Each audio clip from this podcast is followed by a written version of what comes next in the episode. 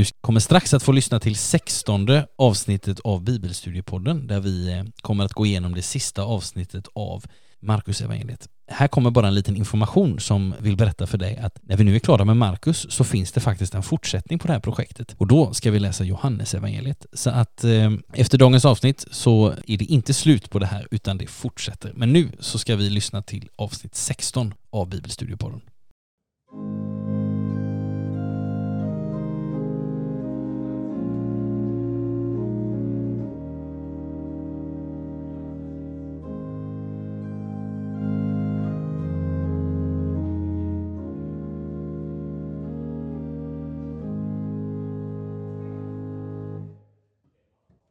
Hej och välkommen till ännu ett avsnitt av Bibelstudiepodden. Podden där vi läser Bibeln och där vi samtalar om det vi har läst. Idag har vi kommit till det sista avsnittet i serien om Markus evangeliet. Idag ska vi läsa Markus kapitel 16, det sista, det kortaste och det avgörande kapitlet hos Markus. Jag ska också säga det som jag brukar säga i början av varje avsnitt. Den här podden leds av mig, Fredrik Borlin som är vikarierande präst i Kungsbacka Hanals församling, Svenska kyrkan. Och i varje avsnitt så har jag en gäst hos mig här på orgelläktaren i Kungsbacka kyrka där podden spelas in. Och idag så är du här, Gerhard Isaksson. Välkommen!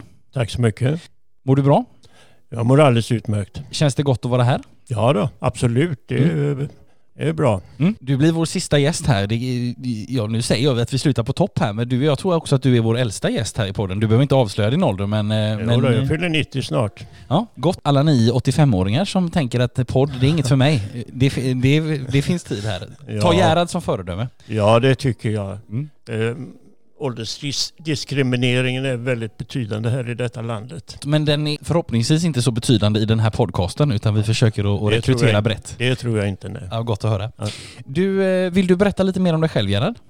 Ja, det kan jag göra uh, lite kort. Jag är född i Jönköping och eh, där var mina föräldrar verksamma i Philadelphia-kyrkan i Jönköping. De mm. var med och bildade den. Idag är det Sveriges tredje största eh, frikyrka. Mm. När jag var 21 år så eh, flyttade jag till Göteborg. Det var inte planerat men det bara blev så. Ja.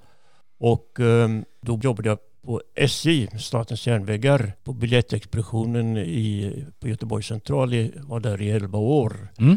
Sen slutade jag där och eh, började på SAS, mm. det skandinaviska flygbolaget. Och eh, det har varit en otroligt intressant tid. Det blev nästan 30 år på SAS. Mm.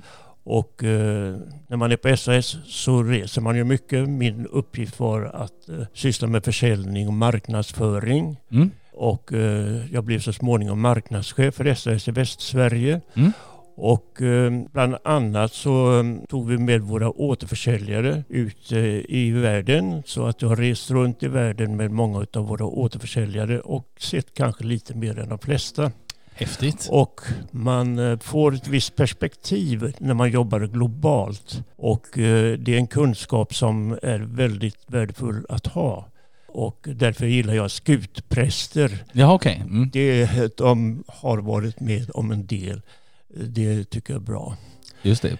Ja, sedan eh, slutade jag på SAS när jag var 60 år och då hade jag vissa planer men då var det en kollega till mig som jobbade med politik och då fick hon först att jag skulle hjälpa dem med valet det året. Och jag sa det, jag aldrig sysslat med politik så det är ingen idé. Men då sa hon, du kan ju marknadsföring och organisation. Ja, sa jag, det kan jag. Det är det vi behöver. Okej, okay, så jag. Så hjälpte jag till med valet och eh, om jag hade någon förtjänst i det vet jag inte. Men eh, varje fall så kom hon in i riksdagen, vilket var en målsättning. Just det. Och eh, det var ju väldigt roligt och då sa de du skulle kunna få många uppdrag men du bor ju Kungsbacka och detta var ju Göteborg. Alltså jag har inte, inte alls planerat att ha några politiska uppdrag. Men så var det någon här i Kungsbacka som hittat mitt namn och så sa han att eh, vi vill gärna att du tar och sätter det i eh, skolstyrelsen som ordinarie ledamot. Och jag hade sysslat med utbildning på SAS så att, eh, varför inte? Mm. Så jag gjorde det. Det var så det började mitt politiska liv. Mm. Och eh, jag har jobbat eh, lokalt, jag har Mm. jobbat eh, regionalt, nationellt och internationellt. Och just den internationella biten var ju väldigt intressant för mig. Vi bildade Jerzy Einhorn, jag vet inte om du känner till det namnet. Mm, Ja men det har jag hört någon gång, Ja, absolut. han bildade ju en, eh, ett seniorförbund i Sverige och eh, jag råkade bli så småningom vice ordförande i det där Mm. seniorförbundet. Mm. Och det växte så vi blev ganska stora och då skulle vi också representeras i eh, det Europeiska seniorunionen. Och eh, då blev jag en av dem som skulle göra det. Mhm. Och det var väldigt intressant att göra det. Mm. Och det, det är en väldigt stor organisation som få i Sverige känner till. Det är medlemmar från 25 länder och den eh, presidenten som ledde seniorförbundet i Europa då när jag var där, han hade tidigare varit eh, högste politiska ansvarig för Bayern, Mm. vilket väl kanske är en av de eh, största staterna, delstaterna i Tyskland. Och eh, på våra möten så var det mycket eh, tidigare parlamentsledamöter som var med där. Mhm. Och eh, när vi hade konferenser så hade vi med eh, Angela Merkel till exempel deltog i dem då. Så att det låg på en väldigt hög nivå och vi jobbade för de äldres eh, förbättrade för de äldre i Europa. Just det. Och eh, vi eh, samarbetade med den kommissionären i Bryssel som skötte just äldrefrågor. Aha, okej. Och vi gjorde ganska många framsteg i och med att vi hade den kontakten. Så sedan under hela tiden så har jag ju sysslat med eh, olika ky- kyrkor som jag har deltagit i, frikyrkor och även Svenska kyrkan. Just det. Och eh, det har varit viktigt för mig. Mm. Och eh, sen ska jag kanske ska nämna att jag gifte mig när jag var 25 år med Birgit. Ja. Och hon var sedan min livskamrat under alla år. Det blev drygt 60 år innan hon, eh, vi skildes åt på grund av att hon gick bort till tre och ett halvt år sedan nu. Och Just det. det är en stor saknad. Det förstår jag. Det är väldigt, väldigt jobbigt att eh, missa sin livskamrat. Mm. Men eh, allting går ju Mm. som måste gå. Mm. Det var väl lite kort. Spännande att höra. Jag kan säga till er som lyssnar också att jag och Gerhard har setts en gång innan och du har berättat lite mer om ditt liv Ja. och sådär. Och det var, det, du har verkligen levt ett, eh, ett rikt liv och sett många sammanhang som jag tror många av oss andra inte har sett. Men det är gott att du delar med dig. Ja, Och väldigt gott att ha dig här Gerhard. tack för det. Ehm, vi ska liksom så, så sakteliga börja närma oss eh, läsningen och samtalet kring eh, Markus 16. Jag ska bara, vill bara säga några, några inledande ord här. För att som redan nämnt så ska vi läsa Markus 16 idag. Det sista, det kortaste och det avgörande kapitlet. För i det här kapitlet så ska vi höra om uppståndelsen som kan vi säga lägger till en ny dimension till det vi hittills har läst om i Markus. För Marcus evangeliet lär ju sina läsare en hel del om Gud och om livet med honom och, och hur det ska levas. Jesu liv och undervisning kan man säga, det visar för oss att vi kan upptäcka och hur vi kan upptäcka Gud och leva i hans närhet. Och Jesu lidande och korsfästelse och död, det är det andra, visar att han gick i döden för vår skull, tog vår plats av kärlek till oss. Men Jesu uppståndelse visar för oss en ny sida och ett nytt djup av Guds både makt och kärlek. Gud har makten och döden är inte slutet. Uppståndelsen är grunden för hoppet. Det är bekräftelsen på att Jesus är den han säger sig vara och på att det han har sagt beträffande oss, våra liv och vårt hopp, det gäller. Så vi ska gripa oss an texten. Markus 16 är kort och har två avsnitt. Och vi ska göra så att eh, det är Gerhard som ska läsa ifrån första versen och åtta verser framåt i kapitel 16.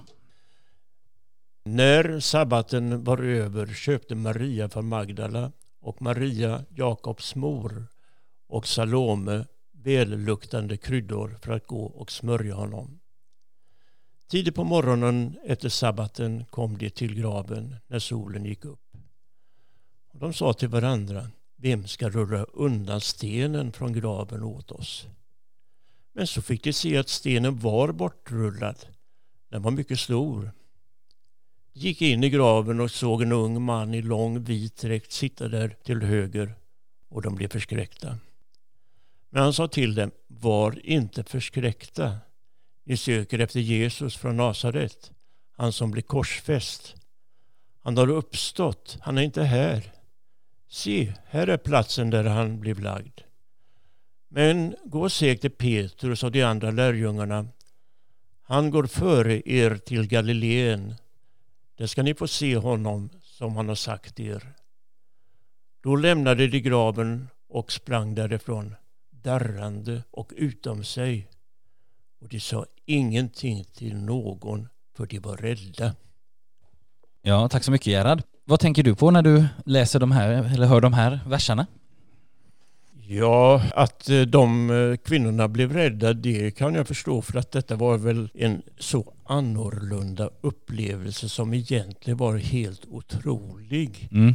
Det är minsann inte ofta man hör någon som har uppstått ifrån de döda. Nej. Och sen så fick de ju se en ängel där. Det var de inte heller vana vid. Det finns ju folk idag som har sett änglar. Jag har inte gjort det. Eh, Men eh, jag skulle inte ha något emot att göra det. Nej.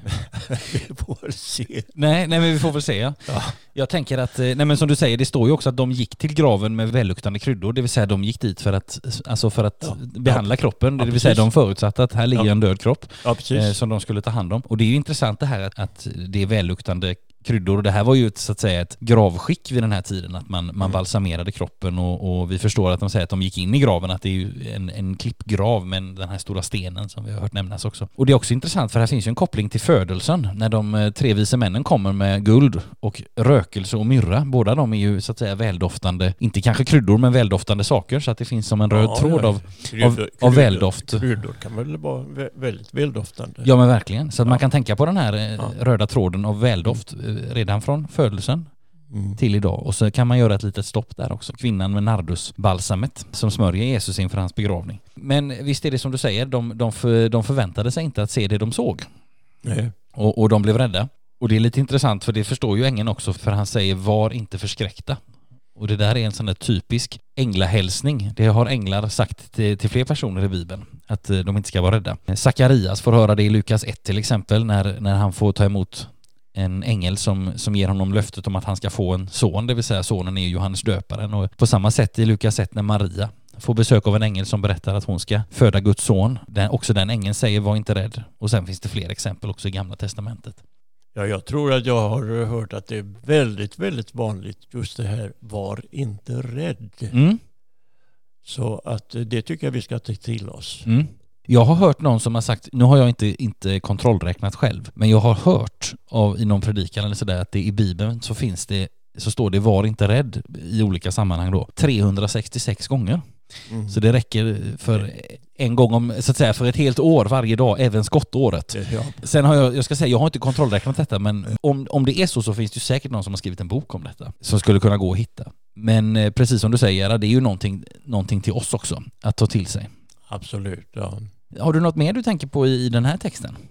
Nej, men eh, kanske lite mer efter eh, nästa avsnitt. Ja, men då ska vi, vi, ska, vi ska strax rulla vidare med det, men jag tänkte att det, det som händer i det här avsnittet, detta med uppståndelsen, det är ju så pass speciellt, så jag tänkte vi bara skulle säga några, några ytterligare ord om det innan vi går vidare.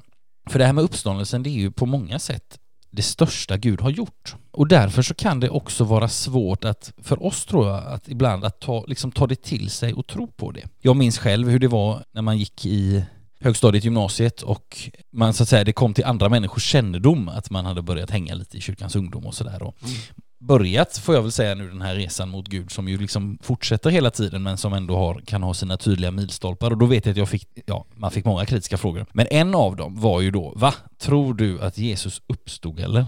Och varför fick jag just den frågan? Ja, det var inte den enda frågan jag fick som lät ungefär så. Men jag tror att jag fick den frågan bland annat för att det här med uppståndelsen, det är en big deal. Alltså det är ändå så att säga, det är ett stort anspråk. Det är en, det är en stor sak för oss människor att ta till oss att wow. Jag tror att det är enklare att tänka att jo men han gick på vattnet, han stillade stormen och han eh, helade sjuka. Men, men just det här med uppståndelsen, det är liksom ännu större också, också för oss tror jag. Och redan, man kan säga så här för att göra en historisk tillbakablick, att redan i Jesu egen tid så fanns det olika uppfattningar inom judendomen kring det här med uppståndelsen. Alltså fariseerna som vi har lärt känna tämligen väl på den här Markusvandringen, de eh, förespråkade och trodde på uppståndelsen. Så där var de liksom, där var de så att säga, eh, där liknade de, de kristna. Men saddukeerna som vi också har stött på, de gjorde det inte.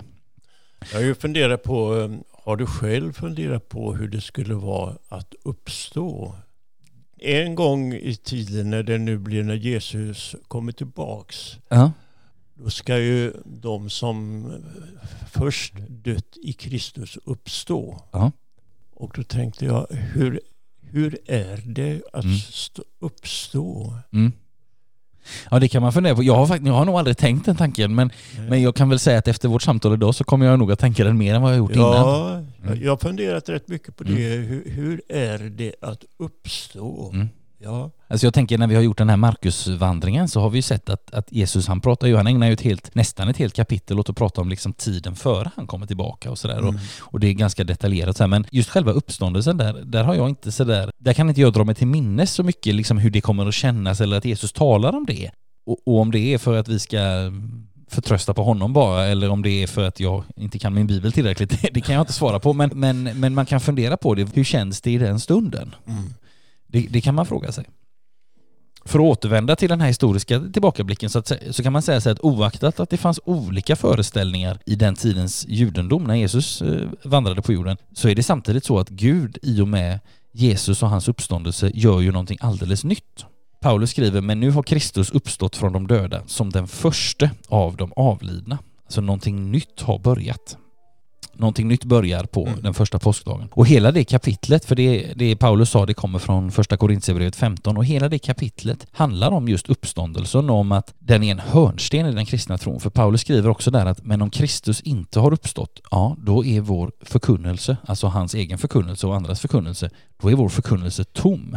Och tom är också er tro.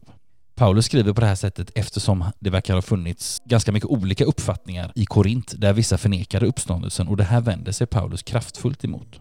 Också idag så kan man hitta i vissa sammanhang, eller man kan höra i vissa sammanhang om uppståndelsen mer som en bild eller att Jesus har uppstått i våra hjärtan. Jag tror att det leder fel att tala om uppståndelsen på det sättet, bara som en bild eller som liksom någonting som bara är en, en liksom en liknelse eller så. Jag tror att det leder fel att tala om uppståndelsen på det sättet.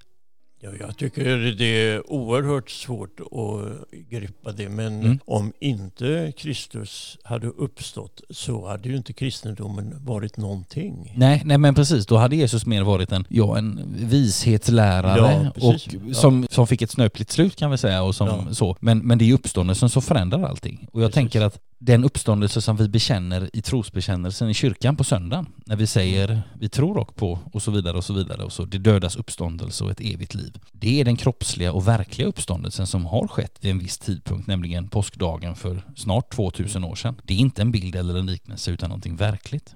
Sen behöver man vara ödmjuk för, eller inför, det här att den kroppsliga och verkliga uppståndelsen kan vara svår att ta till sig. Precis som jag tror att vi kan ha känt båda två, du och jag Gerhard. Vi tänker lätt i mänskliga termer, men det är ju inte möjligt. Och då kan det vara bra att tänka på, på det här att kristen tro, vandringen mot Gud, handlar inte om att övertyga sig om den ena orimligheten större än den andra.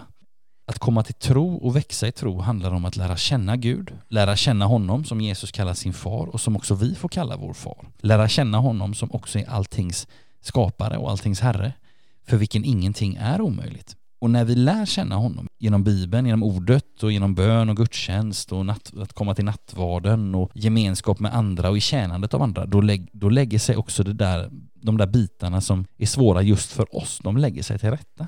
Och det bästa är att vi kan alltid tala med Gud om det i bönen.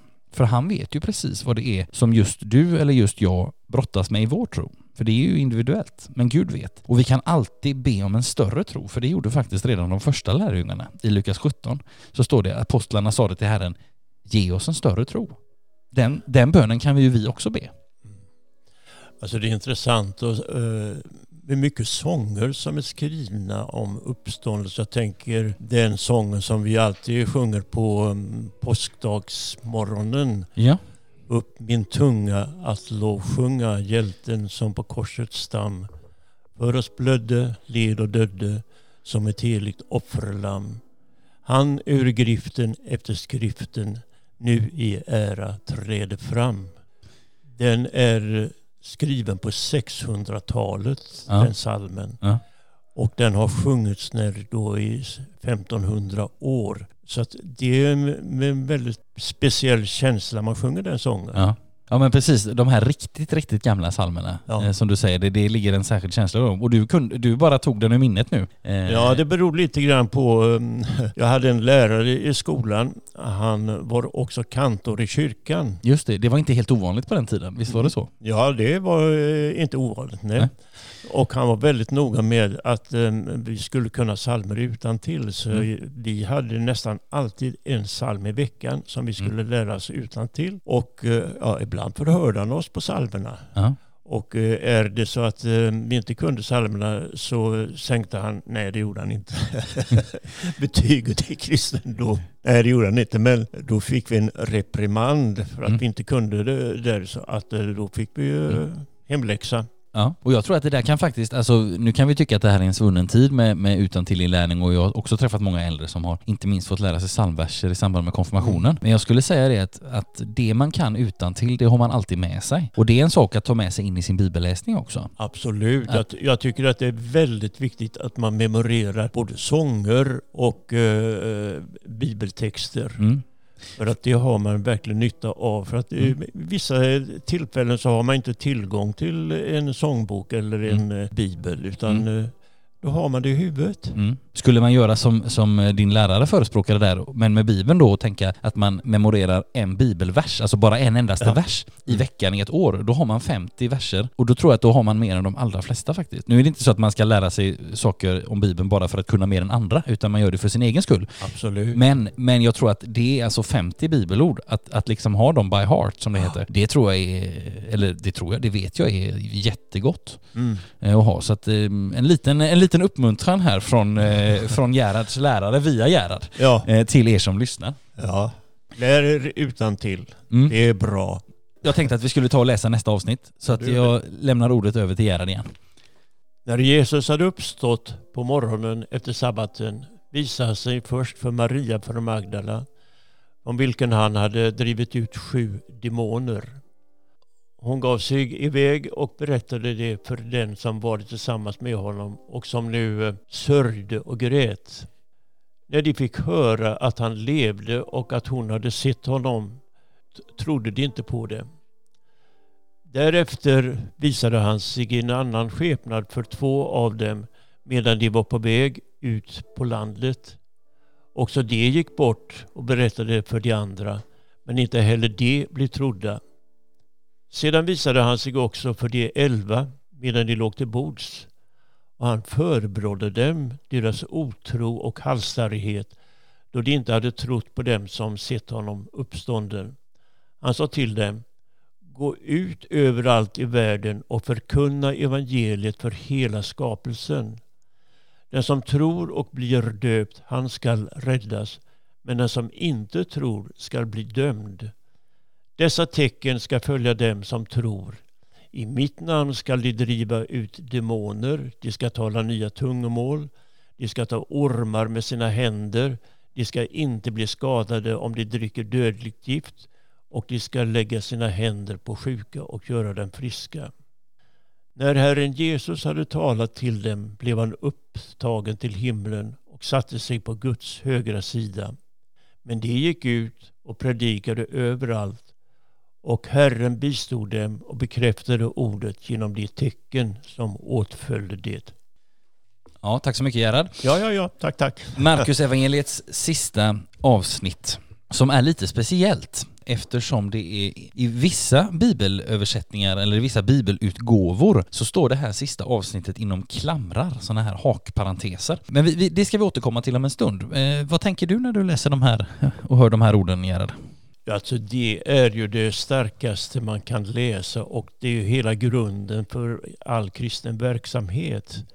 Att eh, Jesus uppstod och eh, det, är, väldigt starkt så egentligen behöver man inte så mycket mer än detta kapitel för att förstå eh, vad kristendom är. Nej, det är väldigt sant. Det är verkligen liksom kärnan i, i kristen tro. Liksom. Det som är särskilt intressant med det här avsnittet är att det är ju en liten det är som en sammanfattning och eh, om du har en bibel framför dig nu, du som lyssnar till detta, så, så ser du kanske att det står ett, ett, eh, några hakparenteser kring de här verserna. Och det beror på att det här sista avsnittet hos Markus anses vara ett tillägg. Ett tillägg som gjordes något senare och det behöver vi säga någonting om. Det handlar alltså om att verserna 9-20 i Markus 16 är verser som inte finns i de äldsta bevarade handskrifterna till Markusevangeliet. Så hur kan vi då veta att det här handlar om ett tillägg? Jo, i, i flera gamla handskrifter av Markusevangeliet från 300-talet så saknas de här verserna.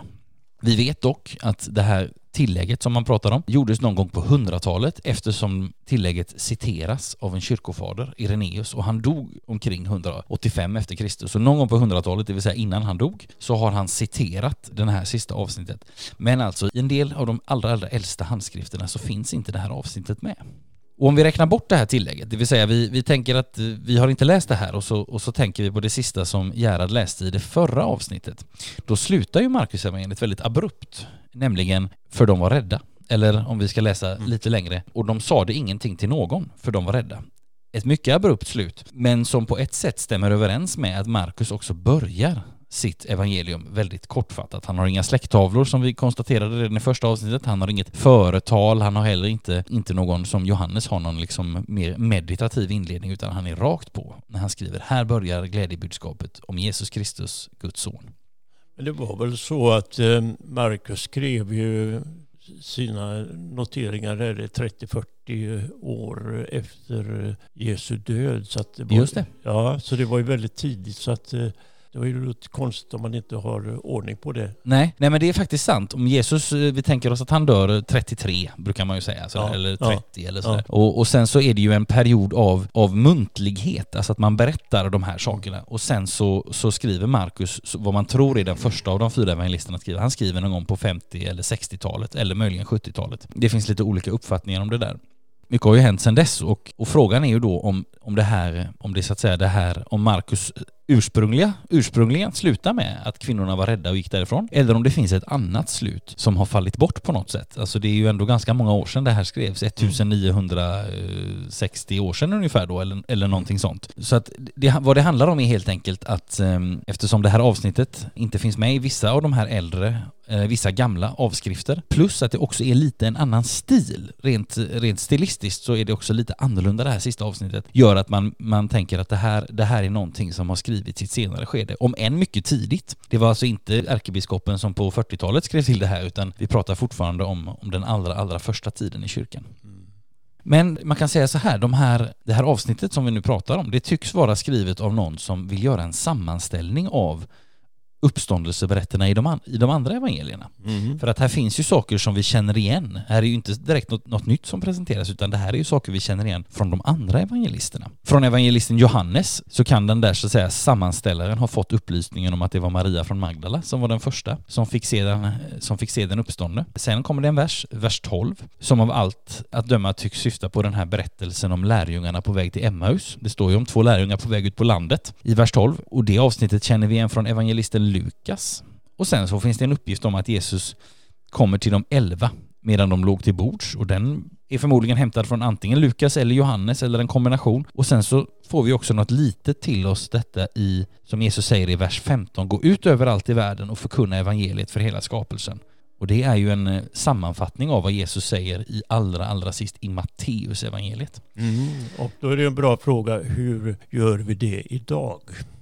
Det är en intressant fråga. Får jag, får jag hålla den eh, bara fem sekunder så ska jag bara ja. ta detta och så återkommer vi till den. För det där är ju väldigt intressant. Det är ja. ju Jesus slutord här så det är ju riktat till oss. Men jag ska bara säga det, vad vi behöver komma ihåg när vi läser det här och när vi ser de här hakparenteserna som vi kanske har i vår, i vår och oftast så finns det någon liten förklarande not också som berättar varför det är hakparenteser. Men vad, vad vi behöver komma ihåg det är att även om de här verserna inte fanns med i originalet i ett senare tillägg så sätter inte detta uppståndelsen i fråga. Snarare är tillägget alltså en sammanfattning av av vad som händer efter uppståndelsen och allting egentligen som handlar om uppståndelsen här, det får vi ju veta av de andra evangelisterna. Och de har ju skrivit, inte före Markus, men de har skrivit före, med största sannolikhet, det här tillägget då gjordes någon gång på 100-talet som senast. Och Nya Testamentets tillkomsthistoria kan vi säga någonting bara helt kort om innan, innan vi ska återgå till missionsbefallningen. Det är ju väldigt intressant med det här hur Nya Testamentet har kommit till och i många stycken så är ju Nya Testamentet väldigt väl belagt. Alltså där mycket annan antik litteratur, alltifrån Homeros till vad det nu kan vara, historieskrivare eller skalder eller poeter eller sådär, där mycket annan sån antik litteratur har väldigt, väldigt få antika manuskript och handskrifter som dessutom är väl, ligger väldigt, väldigt långt ifrån originalet, alltså flera hundratals år efter, alltså efter att den som man säger skrev skrev, så har Nya Testamentet många manuskript.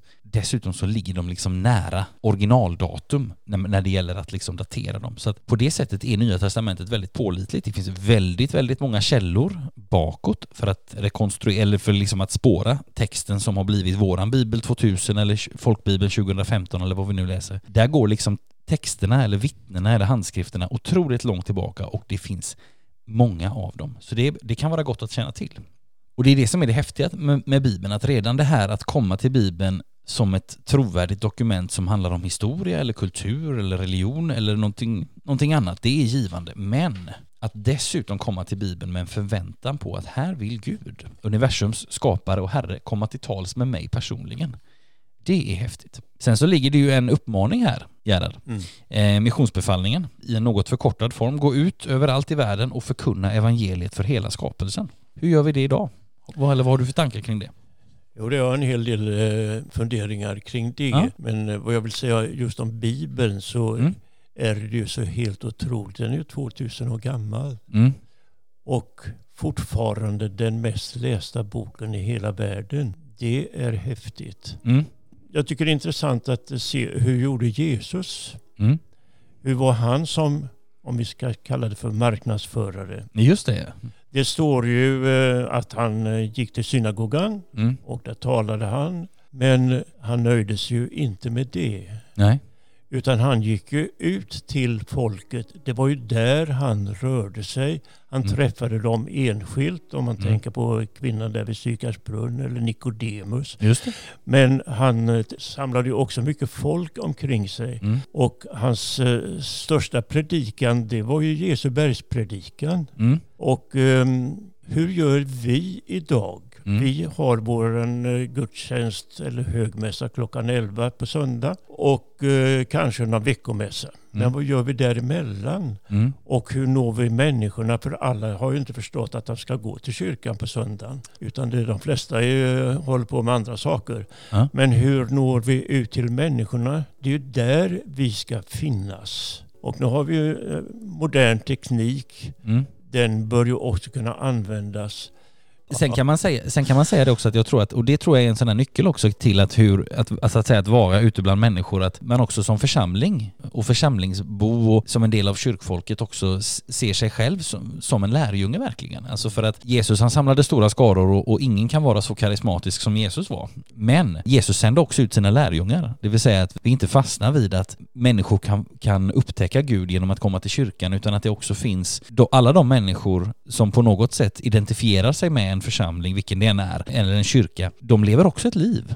i vardagen. De är också arbetskamrater om de är i den åldern. De är också mm. eh, grannar. De är också familjemedlemmar, medlemmar av en släkt, medlemmar av olika föreningar och så vidare och så vidare. Du har ju levt ett väldigt rikt liv och varit i fler sammanhang än, än, än många Gerhard, men jag tänker att alla människor är i några sammanhang. Ja absolut, det är de ju. Och, och alltså att leva på ett sånt sätt så att människor också får upp ögonen för. Det vet jag vi pratade om i ett tidigare avsnitt när jag tror att det var när Claes var här. Att, att också så att säga leva så bland människor att, att, att folk får upp ögonen för vem, vad är det som gör att du går den här extra milen för mig? Mm. Liksom. Där, har vi, där har vi alla ett, eh, ett ansvar. Men sen är det ju faktiskt så att det här är, är sista avsnittet av, eh, i alla fall i den här Marcus-serien i Bibelstudiepodden. Så att jag tänkte att vi skulle, eh, jag tänkte att jag som, eh, skulle skicka med ett litet slutord till er som har lyssnat. Jag hoppas att ni har fått med er någonting av bibelläsning och bibelsamtal i de här 16 avsnitten. Och som ett slutord, som ju givetvis är ett bibelord, så ska du få Hebreerbrevet 4.12. Där står det så här. Ty Guds ord är levande och verksamt. Det är skarpare än något tvegat svärd och tränger så djupt att det skiljer själ och ande, led och märg och blottlägger hjärtats uppsåt och tankar. Att läsa Bibeln är utmanande och det är utvecklande på många plan. Och framför allt så är det utvecklande så tillvida att vi lär känna inte bara Gud, utan som vi läser i det här ordet, vi lär också känna oss själva bättre. Det är en av många anledningar till att läsa Bibeln. Tack för att du har lyssnat på den här serien av bibelstudier i, i den här podden. Till dig som lyssnat, bara ett eller alla avsnitt, så önskar jag och Gerhard dig allt gott tills vi ses och hörs igen och vi önskar dig Guds rika välsignelse. Hej då!